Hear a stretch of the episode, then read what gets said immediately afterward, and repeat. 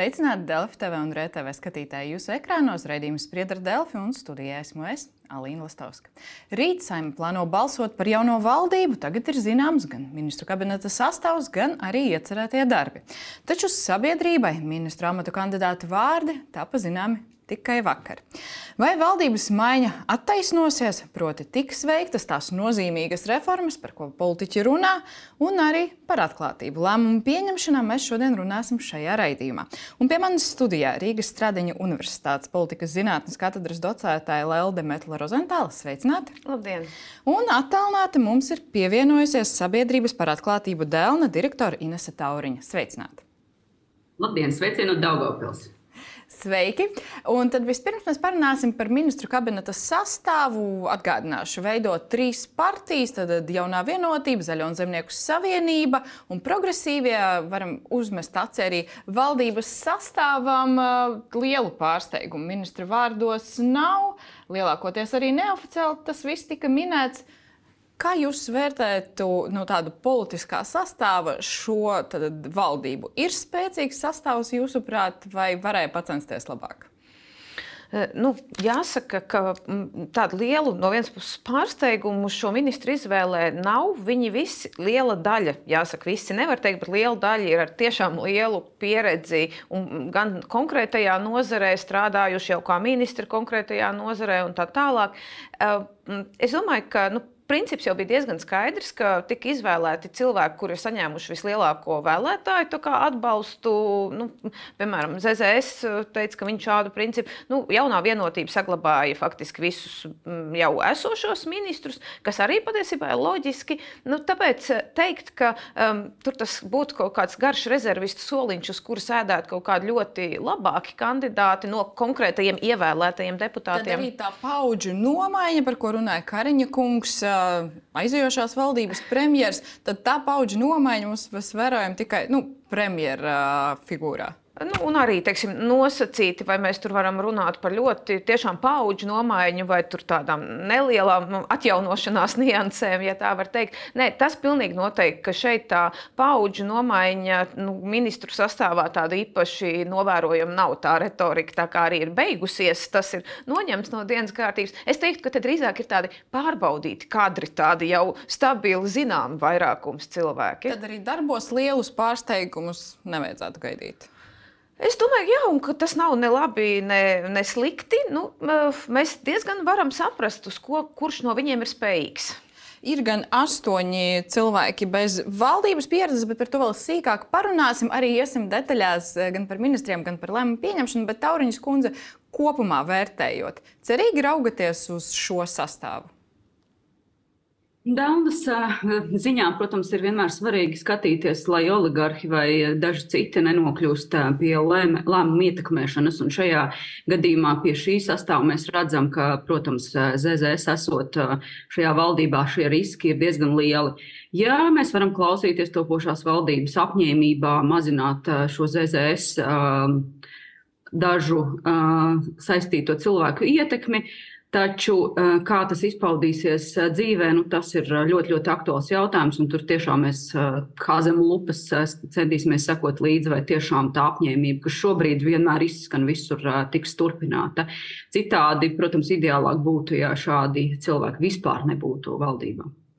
Bet runājot par valdības maiņu arī kopumā, nu, tad tā koalīcija, kas bija līdz šim, jūsuprāt, tur, nu, ja tur nebija ZZS, tad riski bija mazāki. Iespējams, jā, protams, bet, um, bet tāpat tās mēs redzējām, ka iepriekšējā valdība arī nespēja strādāt um, pietiekami apņēmīgi, dinamiski, kā viņiem patīk lietot un tam līdzīgi. Tā kā, nu, protams, mēs arī ļoti labi saprotam, ka politika ir tāda ļoti liela kompromisu māksla, un pie šīs konkrētās valdības uh, mēs to arī redzam. Un, uh, tad jautājums ir tiešām ļoti aktuāls par to, kā tad uh, šie drošības slēdži, tā teikt, tiek paredzēti un iedarbināti, un vai tie tiešām situācijās, ka tas būs nepieciešams, tiks izmantoti. Tas ir tas, kam mēs sekosim līdzi. Mhm. Ja mēs runājam par koalīcijas tiešām vēl nomaiņu, no tāda jūsu skatu punkta, koalīcijas balsu skaits ir teju līdzvērtīgs tādam, kas bija iepriekšējā koalīcijā, par vienu balsi mazāk, 52 balsis plus Borova kungs, kas varētu atbalstīt valdību. Nu, jūsuprāt, tas kaut ko būtiski mainīs šajā dinamikā, par ko runā politiķi? Nu, mums ir kā šobrīd tā publiskā retorika rada priekšstatu, ka varbūt ka iespējams iepriekšējā valdība patiesībā bija labāka un ka vajag, vajadzēja palikt pie tās. Bet, ja mēs tā racionāli paskatāmies uz to gadu, ko viņi jāsaka, tur mocījās no sākuma ar veidošanu un pēc tam ar mēģināšanu strādāt, tad nu, nekas labs tur nesanāca. Un, ja apskatām cilvēku arī viedokļus, dažādas sabiedrības aptaujas, tad cilvēki vēl aizvien saka, nu, ka tā, tā iepriekšējā arī nebija ne laba. Ne šī laba, ne tā laba. Un, nu, skaidrs, ka paplašinātu, izveidot neizdevās. Faktiski šī ir šobrīd vienīgā izēja. Un tad mums atliek tikai jāsaka, gaidīt, nu, kā būs. Bet, ja raugamies no viedokļa, ko darīja vienotība, nu, jo sākumā tiešām likās, ka viņi cerēja, ka izdosies plašāka valdība, nevis uh, divu partneru nomaiņa ar diviem citiem partneriem. Kā jums šķiet, uh, nu, tagad tas iznākums ir tas, uz ko cerēja vienotība, vai tomēr nē, un vai viņiem izdosies arī paskaidrot sabiedrībai? uh, nu, Protams, man, man personīgi šķiet, ka šis nav tas labākais variants, un to jau ir atzīmis gan prezidents, gan arī iespējams zināmā mērā pati vienotība, ka tas gluži nav tas viņu mērķis, jo viņi jau atkal kaut kādā veidā, protams, redzot pēc to ministru posteņu skaita sadalījuma tīri matemātikas, cik kuram pienākās, mēs redzam, ka balsojot ministru kabinetā šobrīd nu, vienotībai ir tāds pārliecinošs tā vairākums, līdz ar to viņi var pārbalsot pārējos. Bet eh, tāpat laikā, protams, tu saproti, ka tev visu laiku var raustīties tās augļas augliņas, ka, ja es izstāšos no koalīcijas, koalīcija sabrūk. Nu, mēs visi to saprotam. Un tāpēc, protams, tā atkarība atkal veidojas tieši tāda pati, kā viņa bija iepriekš. Uh, varbūt, jā, varbūt šiem partneriem ir citādāka motivācija, ko viņi grib panākt ar būšanu valdībā. Un līdz ar to varbūt viņiem nav. Nu, Nākot no opozīcijas, jā, lielāka vēlme atkal tur nenonākt. Jā, tieši tā, tieši tā. Tāpēc varbūt tas ir tas, kas nu, to valdību uzturēs kaut kādā termiņā.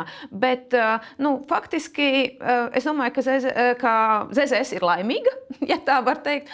Progresīvie, es domāju, ka arī ir pietiekami apmierināti, jo tomēr ņemot vērā viņu salīdzinoši īso partijas vispār vēsturi jau nokļūt valdībā un ieņemt pietiekami nopietnas ministra pozīcijas, nu, tā ir ļoti laba politiskā karjera. Eh, nu, tad vienotība, es domāju, ka atliek vienotībai šobrīd ir milzīgs tas eh, spiediens tiešām ar darbiem, un iespējams, ka tāpēc viņi arī izvēlējās paņemt eh, savā paspārnē arī šīs te, nu, nepopulārās ministrijas, vai kā mēs sakām, smagās ministrijas, tur gan veselība, gan tāpat izglītība palika un viss, nu, pierādīt, ka kaut ko var izdarīt. Jo laikam jau nu, šis ir tas brīdis, kad ir vai nu jāpierāda, vai var slikti beigties. Tauriņas kundze, ja mēs atskatāmies uz to situāciju, kā mēs nonācām līdz valdības izmaiņām, tad prezidenta vēlēšanas, tikšanās ar ZZS un progresīviem, pēc kuras politiķi apgalvoja, ka vienošanās par valdības nomaiņu nebija, un tad mēs redzam, pie kāda rezultāta mēs nonākam. Šīs partijas nobalsoja par Rinkēviča kungu prezidenta amatā, un tagad tas būs topošajā valdībā. Vai šīs process jums arī raisīja bažas? Bažas kopumā, protams, tas neraisīja, jo nu, mēs zinām, ka mēs atceramies, kāds bija tas prezidenta ievēlēšanas posms. Drīzāk tas, ko mēs būtu sagaidījuši, protams, daudz atklātāku pozīciju un tādu skaidrošanu no pašiem politiķiem. Un neslēpt, ka nē, mēs jau neko, mēs jau neko nezinām, nē, nē valdība ir droša. Nu, šīs runas, protams, bija tādas, kas likās, nu, vai tiešām kurš, kurš nu, kaut cik aktīvi sekojot līdz politiskiem procesiem, tam līdz galam noticēja. Diez vai. Tāpēc nu jā, tas sāku un arī turpinājumā šīs vasaras komentāri no politiķiem par to, ka neko jau viņi aktīvi nedara, nu, tas, protams, bija tāda mānīšanās. Tāpēc mēs būtu sagaidījuši, ka tomēr labi, neejot detaļās, jo daudz kas vēl nav bijis skaidrs, labi, da, neskaidrojot sīkāk, jo vēl jau viss ir jāsarunā, bet tomēr daudz aktīvāk viņi varēja paši paust šo savu uh, plānu un darbības un rīcību. Un tad arī mēs nerunātu iespējams par to, ka tagad uh, rīt ir jābalso, un mēs vēl tā lāga neesam pārliecināti, vai šie cilvēki, kas ir nosaukti, tiešām tur būs. Nu, tad, tad, uh, pēdējā dienā un pēdējā brīdī paziņošos ministrus. Tad arī varēja būt pieejams vairāk un ilgāks laiks, lai diskutētu par kandidātiem arī sabiedrība. Jūs pieminējat kandidātus. Viens interesants gadījums, ko pamanīja žurnālisti, varam parādīt arī uz ekrāna. Piemēram, topošais klimata enerģētikas ministrs, kurš iepriekš, būdams opozīcijā, vispār opozīcijā ir daudz interesantu izteikumu. Nu, kritizējis, teica, teica, ka tā ir līdzekļu izšķērdība, pret viņu iebilst arī vidus organizācijas. Nu, vai šī ir laba praksa un tiešām, būdams opozīcijā, varam kritizēt, nonākam valdībā, ja jāuzņemās, strādājam viss kārtībā? Nu, es teiktu, ka šīs valdības vispār visas izveidas kontekstā šis vairs absolūti nav kaut kāds unikāls tāds domu mainīšanas gadījums. Jo, ja mēs sakam, vispār atceramies kaut vai šīs jau daudz pieminētās sarkanās līnijas, tad vairāk jau domas izmainīt nav iespējams. Līdz ar to tas, ka Meļņa kungs nu, tagad saka, ka jā, tā kā tur nāk klāt vēl vides jautājums šai ministrijai, tad tur būs pilnīgi cits rakurs un tā un šitā. Es saku, Jā, labi. Mēs pieņemam tādus spēles noteikumus, ka šī valdība principā veidojas uz eh, to, ka mēs saprotam, ka kompromisi ir iespējami visur, eh, jo mums vienkārši tā valdība ir jāuztais, jo citu variantu šobrīd nav. Par to retorikas maiņu un sarkanajām līnijām tik tiešām pirms vēlēšanām gan jaunā vienotība, gan progresīvie bija ļoti kritiski pret Zaļo un Zemnieku savienību. Tauriņas kundze, nu, ja mēs runājam par šo viedokļu maiņu, jūs prāt, tas ir tāds arī normāls politikas process, vai tā nav laba praksa? Pirms vēlēšanām sakam, ka ar ZZS nekādā gadījumā, un tad situācija mainās un strādājam kopā. Mēs sakām, ka tā nav normāla prakse, un uh, tas varbūt arī uh, citu starpā der paskatīties un padomāt, nu, kā tad uh, cilvēkiem un iedzīvotājiem tas varētu izskatīties. Nu, ka vienā brīdī es saku, jā, es uh, būšu šajā pozīcijā, un tad mazliet cits vējs sāk pūst, citādāk kauliņi saliekās, un es nostājos pilnīgi 180 grādiem pretējā pozīcijā. Nav, tas nav labs signāls uh, vēlētājiem, sabiedrībai, jo gal galā atkal liksim kopā tos datus, kas mums ir par uzticēšanos valdībai, saimai, par cilvēku būšanu politiskajās partijās. Nu, tur šie rādītāji mums ir ļoti, ļoti zemi. Un, protams, ka tādi būtiski jautājumi kā valdības veidošana un uh, valdības uh, deklarācija un rīcības plāns, un tas jau viss kopā iet ar to, kā mēs gribam redzēt savas valsts attīstību. Un, ja mēs kā iedzīvotāji no nu, malas skatoties, redzam šīs visas uh, politiskās spēles un tādu kažoku mešanu uz otru pusi, tad, diemžēl, tas domāju, neliec, neliek cilvēkiem vairāk uzticēties šiem procesiem. Jā, protams, tur mēs redzam, ka tā atruna, ko jau mēs esam pieminējuši, jā, bet savādāk nevar. Jā, šis ir labākais, piekrīt kolēģis komentāram, šis ir labākais šobrīd iespējamais varbūt variants, bet nu, tomēr, tad, tomēr paliksim pie tā, ka tas kopējais iespējas neveidojās diezko pozitīvs un tāds cerīgs par vispār procesiem šajā visā. Ja mēs atgriežamies pie jautājuma par to, cik ātri sabiedrība uzzināja ministra vārdus, tad tas bija vakar, balsojums ir rīt, deklarācijas teksts bija publicēts dienu pirms. Jūsuprāt, šāda prakse ir pieļaujama? Eh, nu, atkal jāsaka, ka te daudz kas notiek tā, ka varbūt tā praksē teiktu, ka tā nevajadzētu notikt. Bet mēs jau visi tā pamazām esam no sākuma ļoti brīnījāmies, varbūt drusciņi sašutām, bet tagad nu, gan, gan pētnieki, gan žurnālisti, gan visi ir sapratuši, ah, nu labi, šoreiz būs šitā. E, nē, ja man ir jāatbild, nu, tā, tā tomēr nav labi. Un to arī nozara saka, nu, kaut vai ne, nozara es vakardien arī diskusijās, nu, nu tā kā vajadzētu vismaz padiskutēt ja par šiem kandidātiem. Par to, līdz vēlēšanām ir vēl diezgan ilgs laiks patiesībā, līdz saimnes vēlēšanām Eiropas parlaments jau nākamgad. Nu, vai tas dod arī politiķiem tādas brīvākas uh, izvēles iespējas? Tagad sakam, tagad nesakam, vai vēlētāji šo atcerēsies? Tas ir mans jautājums. Jā, es sapratu. E, visdrīzāk, ka neatcerēsies, jo mēs jau tagad, piemēram, aizmirstam, kā, kā valdība strādāja pirms vasaras. Ja tā ņem, mums jau bišķiņi tas ir izplēnējis un sāk likties, ka varbūt varbūt nemaz nebija tik slikti, ka, ka Smiltēna kungs saka, ka viss bija labi, un varbūt arī bija labi. Tāpēc es domāju, ka šobrīd tieši tā, protams, nu, drusciņi ir jāatcerās, ka tuvojas arī Eiropas parlamenta vēlēšanas. Tāpēc tiem, kas nu, pretendē uz tām Eiropas parlamenta vēlēšanām, tur nu, būtu kaut kāds savs kurs, tomēr nu, jāmēģina atkal noformulēt un tālāk viņu turēt. Un tāpēc es domāju, ka vienotība, kas noteikti ir viens no pretendentiem, kura parasti ar saviem kandidātiem arī startē uz Eiropas parlamentu, es domāju, viņai būs ļoti svarīgi šī gada laikā parādīt, nu, ka šis manevrs, ko viņi izdarīja, ne, neskatoties uz visiem teiksim, mīnusiem un kritiku, ka viņš attaisnojās.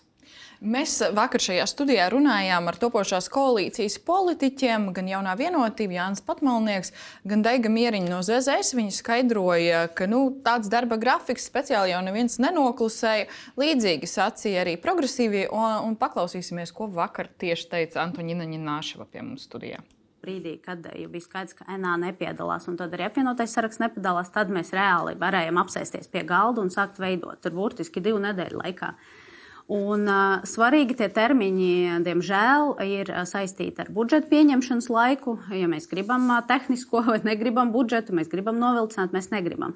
Labi, ka mēs varējām arī šajā periodā, runājot par deklarāciju un prioritātēm, vienoties, ka tas attiecināms arī uz budžeta prioritātēm, lai mums pēc tam tas ir vieglāk. Vienkārši. Jā, un uh, vēl ir svarīgs aspekts uh, par to kabineta sastāvu. Man liekas, tas ir uh, ļoti labi, ka tas kaut kādā ziņā nav skaidrs līdz uh, pēdējām brīdīm. Uh, sadalījums arī pašiem. Tas nav tā kā sabiedrībai netika pateikts. Nu, tur jau tās sarunas arī notika, vajadzēja vienoties. Respektīvi, ne tikai sabiedrībai neteica, bet arī paši nezināja. Tauriņas kundze, nu, no tiem skaidrojumiem jums šķiet, ka tiešām tā ir bijis. Un, nu, ko jūs teiktu par šādu situāciju? Nu, es domāju, ka šīs partijas, tomēr, lai arī progresīvi, arī konkrēti un citi, lai arī jaun, jauni vai vecāki, bet nu, tomēr gan jau viņiem bija plāns, kas ir tie cilvēki, kas varētu kandidēt uz kādām konkrētām ministrijām. Un gan jau, ka gan jau, ka viņiem arī bija šis, šie, šis, šis redzējums. Un tas būtu tikai normāli loģiski, viņiem būtu tāds redzējums. Galu galā varbūt tiešām par to skaļi viņi nerunāja. Uh, nu, lūk, tāpēc uh, šī kandidāta nosaukšana mēs jau pieminējām. Nu, nav jau korekti, ka dienu iepriekš mēs par to uzzinām, uh, tiešām par šo sarakstu, jo tāpat tās tā Kūtra kunga. Um, kandidē, kandidēšanu uz kā kultūras ministram vai tagad Meļņa kunga uz šo klimatu un enerģētikas posteni. Nu, ir vajadzīgs laiks sabiedrībai, tomēr gan žurnālistiem, gan pētniekiem, lai uh, paskatītos, nu, kas tad ir tas cilvēks. Tāpat tās tām organizācijām, kas ir saistītas ar konkrētajām nozarēm, paskatīties, kas tad ir tas cilvēks. Vai tieši, un, uzdo, un kaut vai sākt ar to, ka uzdot jautājumus kandidātam, vai tiešām viņš ir pārliecināts par šo nozari, orientējās kaut cik nozarē, vai nav uh, iepriekš izteicies radikāli pretēji vispār šiem mērķiem un uzstādījumiem. Tā kā tas um, Es domāju, ka partijas pašas būtu daudz vairāk ieguvušas, ja šo kandidātu būtu iepriekš arī izskanējuši un par tiem varēja runāt, varētu būt varējuši runāt. Un es domāju, ka varbūt šeit pat vēl svarīgāk būtu mm, paskaidrot arī cilvēkiem, kāpēc ir tāds nozaru sadalījums, kāds tas ir ne tikai personālijas. Jo, protams, es saprotu, ka ir šis Lemberga mītiskais faktors, kur tad, nu, mēs kaut kādas ministrijas nedodam, bet es domāju, ka tas nevarētu būt vienīgais kvalitātes kritērijs. Jo tad mēs kā, nu, ar Lemberga personības piesaukšanu atkāpjamies no jebkādas nu, partiju vērtību sistēmas. Bet, protams, mēs viņu, no viņas esam atkāpušies jau, jau veidojot šo koalīciju. Bet man būtu bijis teiksim, interesanti nu, paklausīties, kāpēc. Jo man, piemēram, ir skaidrs, kāpēc ZZSam ir zemkopības ministrija. Tur viss ir loģiski, tur nerodas jautājumi. Bet, bet par citām ministrijām, kā tika lemts, kā tika lemts par to, šo klimatu un enerģētikas, kā tika lemts par satiksmes ministriju uh, vai kultūras ministriju, nu, kā, kādas ir tāds pamatojums? Bet tas vispār, uh, tas slavenais uh, Evikas Siliņas ministra prezidenta kandidātes citāts par to, ka Zaļo un Zemnieku savienībai nevar nevar uzticēt nu, teiksim, tiesiskumu vai drošības ministrijas, tāds dalījums valdībā ministrijas atbildības jomas sadalījums pēc izslēgšanas metodas, jūsuprāt, ir, nu, tā, liecina labu par šo valdību? Mm, nu, man liekas, ka tā ir tāda ilūzijas radīšana par šo norobežošanos. Mēs tur tādu esam izdomājuši, ka tas būs tāds veids, kā mēs sabiedrībai teiksim, ka ar ZZS jau tā kā mēs zinām, ka nav labi, bet tagad, ja mēs šitās ministrijas niedodam, tad, tad ir labi. Tas, tas nekas, ka mēs saimnes priekšsēdētāju posteni, piemēram, nu, var teikt, parlamentārā valstī faktiski, nu, ja ne pašu augstāko, tad otru augstāko posteni mierīgi atvēlam ZZS, kur ir ļoti liela loma arī ārpolitikas un diplomātijas diplomātiskā kursa veidošanā, kur saimnes priekšsēdētājs tiekās ar vēstniekiem, veido nu, šo savstarpējo um, domu apmaiņu par Latvijas ārpolitikas prioritātēm, tad uh, šeit šis vispār, nu, tad, tad Kūtra kungs un ZZS der. Nu, tāpēc es, protams, ka redzu tādas tikai to, to, ka ir izdomāta tāda atruna, ka ministrijas nu, šīs tās nedrīkst ZZS, tā mēs pasakām, tagad cilvēki mierīgi, ka viss būs pilnīgi tīri un caurspīdīgi un godīgi. Ja šo Siliņas kundzes izteikumu pie mums studijā vakar tieši komentēja ZZS deputāte Daiga Mieriņa, un es parādīšu, ko viņa ir teikusi. Ka tas vienkārši var būt neveiksmīgs izteiciens, ka cilvēks ir pateicis, bet patiesībā domā savādāk. Mēs esam vienkārši vienojušies, ka mēs arī nepretendējam uz tām ministrijām, kur tiešām partneriem varētu būt uh, iespēja spekulēt. Tas nenozīmē, ka mēs nevarētu viņas vadīt. Absolūti nē, vai nebūtu mums jomas profesionāļi. Vienkārši tā ir, uh, lai novērstu un pasargātu arī partners, kuriem lai novērstu un pasargātu partnerus. Tauriņas kundze, labs pamatojums no koalīcijas šādam sadalījumam.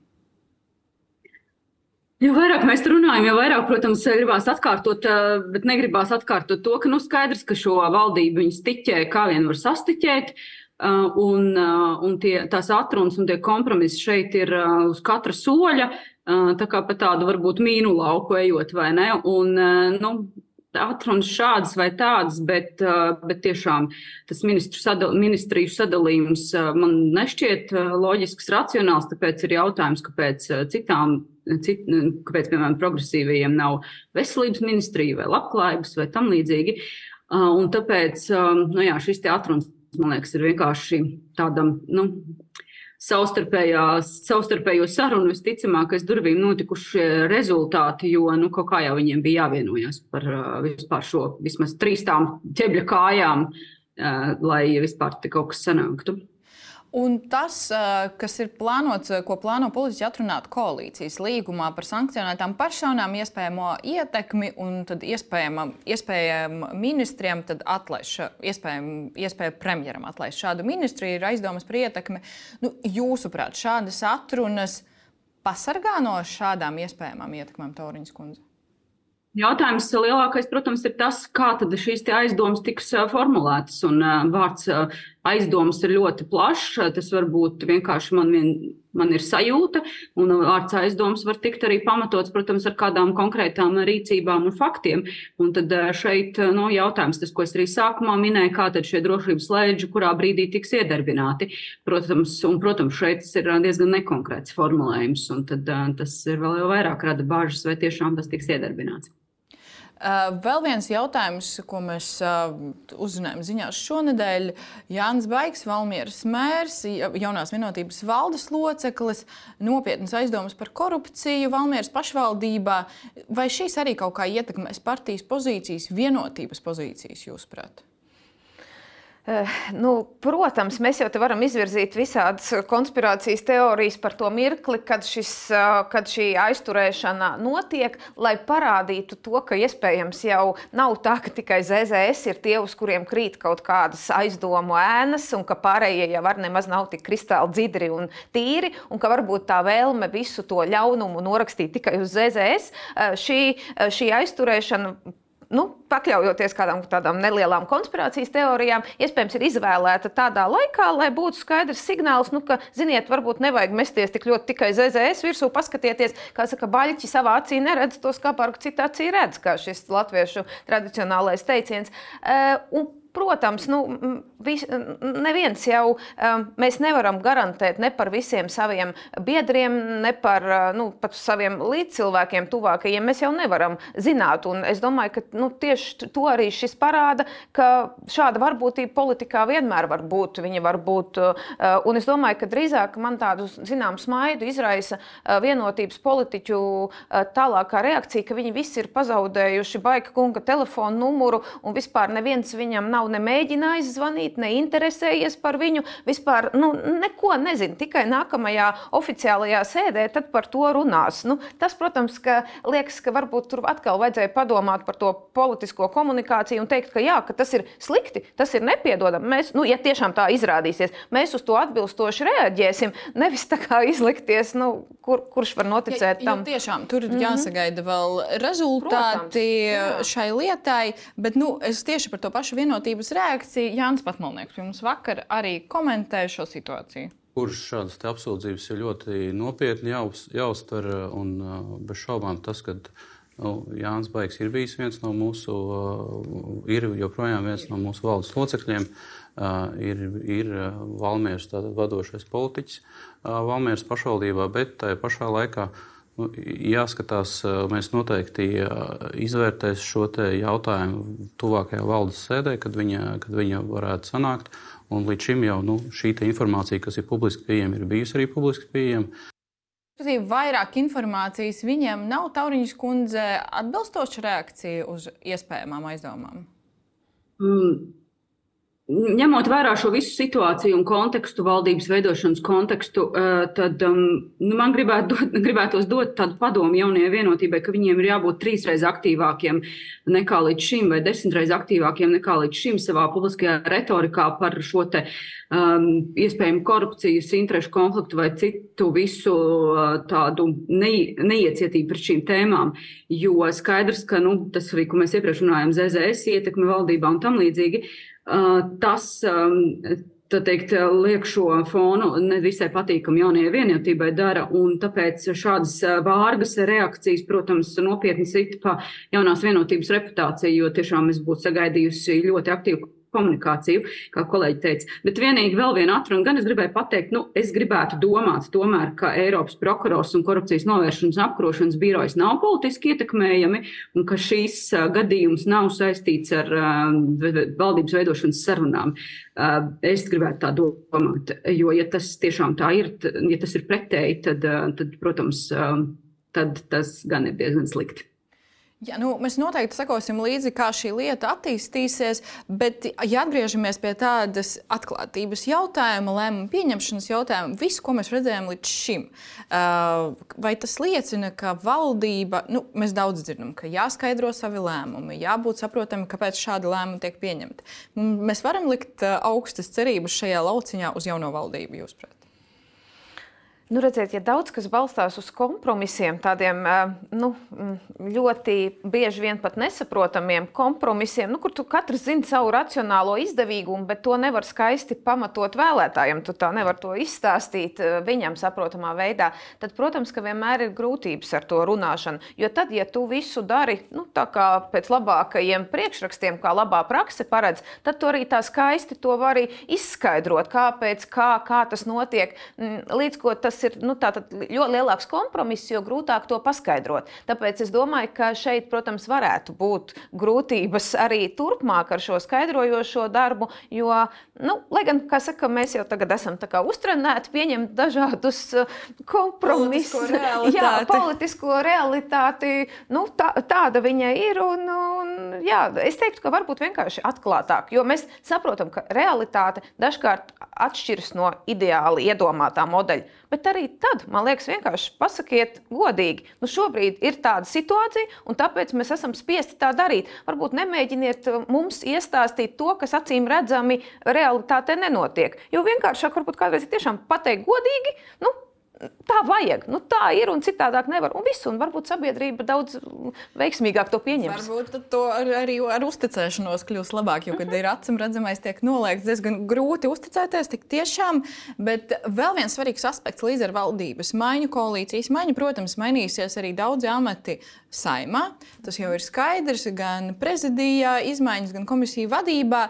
Bet vēl runājot par šo tādu lēmumu pieņemšanas veidu, saima bieži vien tiek kritizēta par to, ka pēdējā brīdī uz trešo lasījumu tiek izvilkti pēkšņi ļoti konceptuāli priekšlikumi. Tauriņas kundze ar jaunu valdību varētu būt labāks šajā ziņā. Grūti pateikt, protams, par šo. Nu, Sājumi jau, jāsaka tā, ka sājumi jau tur, protams, ir strādājusi un strādājusi jau iepriekš, un mēs jau arī esam iepazinuši šo te esošo ritmu. Tā kā, nu, skatīsimies, sekosim līdzi. Bet kopumā tāds mūsu novērojums vismaz ir, ka, nu, samazinās jau tās vēlmes trešajā lasījumā ielikt kādus iepriekš neredzētus grozījumus. Un tad, ja tāda tomēr ir, tad pietiekami aktīvi. Nu, pietiekami aktīvi, bet uh, saimta arī, protams, reaģē uz šo un, un saprot. Tā kā es pagaidām tur tādas lielas bažas nesaskatu saistībā ar šo. Ne. Ja mēs runājam par saimu, tad rīt balsojums gaidām karstas debatas garu sēdi, jūsuprāt? Ļoti grūti paredzēt, jo no vienas puses mēs jau saprotam rezultātu. Un ir jautājums, nu, vai opozīcija tagadējā opozīcija, jaunā opozīcija, tā jāsaka, redzēs, ka viņi ar šo sēdi var vairot kaut kādu savu politisko kapitālu, ja viņi būs izdomājuši, kā viņi to, caur to var darīt, tad iespējams, ka viņi izmantos un, un arī padebatēs, bet tāpat laikā skaidrs, ka tas rezultāts jau nekā no šīm debatēm nemainīsies. Frakcijas, kas bija koalīcijā, tagad nonāks opozīcijā. Viņam šī ir iespēja pirmo reizi sevi parādīt tādā jaunā statusā, kā jums šķiet, viņi izmantos to? Nu, es domāju, ka viņi jau pēdējā, pēdējā teiksim, periodā, valdības, šīs jaunās valdības jau tādā aprišu iezīmēšanās periodā, to arī intensīvi izmanto. Jau tādā nelielā opozīcijas lomā. Jā, kritizēja. jā Smiltēna kungs jau, jau ir pilnīgi šajā jaunajā amplitūnā iejuties. Tāpēc es domāju, ka Es pieņemu, ka noteikti viņi tomēr izmantos šo pirmo iespēju, lai iezīmētu skaidri, kur viņi tagad atrodas un kāda ir tā viņu pozīcija un, attiecīgi, jā, to, to, to savu redzējumu par lietu kārtību. Ja mēs vēl atgriežamies pie opozīcijas, tas, kas divas uh, frakcijas, ka nu, Nacionāla apvienība ļoti ilgi ir strādājusi valdībā, ja viņi tagad nonāk opozīcijā, mēs varam teikt, ka nu, tagad valdība būs vairāk pieskatīta, opozīcija būs kvalitatīvāka. Kā jums šķiet, Tauriņš kundze? Mēs uz to ceram, jā, jo, protams, tieši tā Nacionāla apvienība ar savu ievērojamo pieredzi, esot valdībā, es domāju, ka viņiem ir ļoti visas iespējas parādīt sevi kā profesionāļus opozīcijā un, un pieskatīt un uzraudzīt valdības darbu, Viss tieši tā, kā kolēģi arī teica, visas iespējas uh, tomēr izmantot šo situāciju uh, savā tādā labā un arī paskatīties, varbūt mazliet savus iepriekšējos darbus, cerams, pavērtēt no malas. Un apvienotais saraksts, nu redzēsim, paskatīsimies. Jā, Smiltēna kungs jau sāk, sāk skaļi un patētiski brīžiem komentēt šos procesus, bet paskatīsimies, kā tas veiksies darbos reāli, sēžot deputātu krēslā. Eh, vēl mēs redzējām jaunus reitingus. Vienotība ir viena no partijām, kam reitingi ir nokritušies. Varam parādīt arī uz ekrāna. Tad eh, vairāk nekā 2% punkti. Pārējais partijas nu, lielā mērā stabili turās. Kā jums šķiet, tā ir tāda nu, vienkārši statistikas kļūda, vai ir pamats domāt, ka valdības veidošana ir atspoguļojušies šajos reitingos?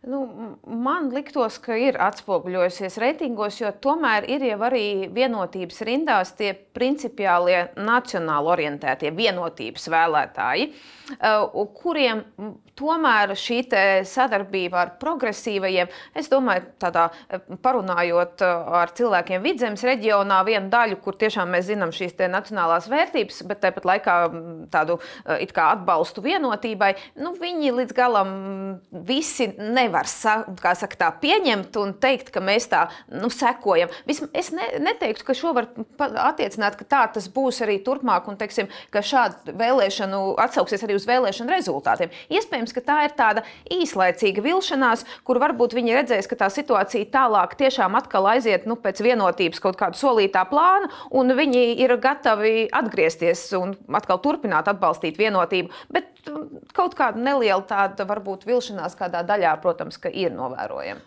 Un tas, ka opozīcijas partijas Latvija pirmajā vietā ir trešajā pozīcijā, stabilitātei ir piektajā, arī ļoti augstu. Kā jūs vērtējat, mēs tur tuvākajā laikā varam vēl sagaidīt reitingu pieaugumu šīm partijām? Nu, redziet, šī te, kaut vai valdības veidošana, kura zināmā mērā parādīja tādu nu, principu īsti nu, klātbūt nesamību, vai ne, ka tu vari visu ar visu. Tajā vēlētājā, kurš jau tāpat tā kā sliecās atbalstīt uh, Latviju pirmajā vietā vai stabilitāti, viņu vēl vairāk apliecināja, viņš saņēma apliecinājumu tam, ka politiskie procesi nu, tas ir tāds vienkārši biznesa darījums, kur visi ar visiem un viss. Un tad, princ, nu, faktiski, tas arī viņu mudina vēl vairāk sekot eh, šīm, te, piemēram, Latvijas pirmajā vietā idejām, kas ļoti nu, radikāli kritizē to pastāvošo politisko eliti Tā kā, jā, protams, mēs varam redzēt un domāt, ka, ja uh, politiskā elite nepierādīs ar darbiem, ka šāda, dažkārt šādas uh, varbūt uh, radoši risinājumi, veidojot valdību, ir pieļaujami, jo tas tiešām atspoguļojas pēc tam kaut kādos sasniedzamajos rezultātos, tad mēs varam prognozēt arī jā, atbalsta pieaugumu. Apvienotais saraksts, Nacionālā apvienība diezgan stabili, bet pēc nonākšanas opozīcijā, kā jums šķiet, kā būs ar viņu pozīcijām? Es domāju, ka Nacionālajai apvienībai ir ļoti, ļoti stabils vēlētājs, ļoti konkrēts elektorāts. Un uh, kamēr Nacionālā apvienība, es domāju, tieši tāpēc viņi arī izvēlējās uh, nekādā veidā nesadarboties ar progresīvajiem, jo lūk, to tiešām viņa vēlētājs nesaprast. Tā būtu nodevība. Bet palikt opozīcijā aiz nacionāliem principiem, to viņa vēlētājs ļoti labi novērtē un saprot, ka tas ir mugurkauls partijas. Savukārt apvienotajam sarakstam ļoti būtiski būs tomēr spēja nu, šīs valdības darbu. Um, kaut kādā mērā nu, nosacīt viņa vēlētāju acīs, ietekmēt, proti, nu, kontrolēt vai uzraudzīt. Ja viņš šo uzrauga vai nu, tādas konstruktīvās opozīcijas lomu uh, spēs saglabāt, es domāju, tad vēlētājs arī pie viņiem turēsies. Ja viņi tā kā izčākstēs, nu, tad tur ir jā, cits scenārijs. Jā, nu jautājumu vēl ir daudz par to, kā jaunajai valdībai veiksies. Mēs noteikti sekosim līdzi gan tam, kā rītdien noritēs saimas sēde, gan arī valdības darbam. Paldies jums liels šodien par šo diskusiju. Paldies jums, ka skatījāties un uz tikšanos jau rīt.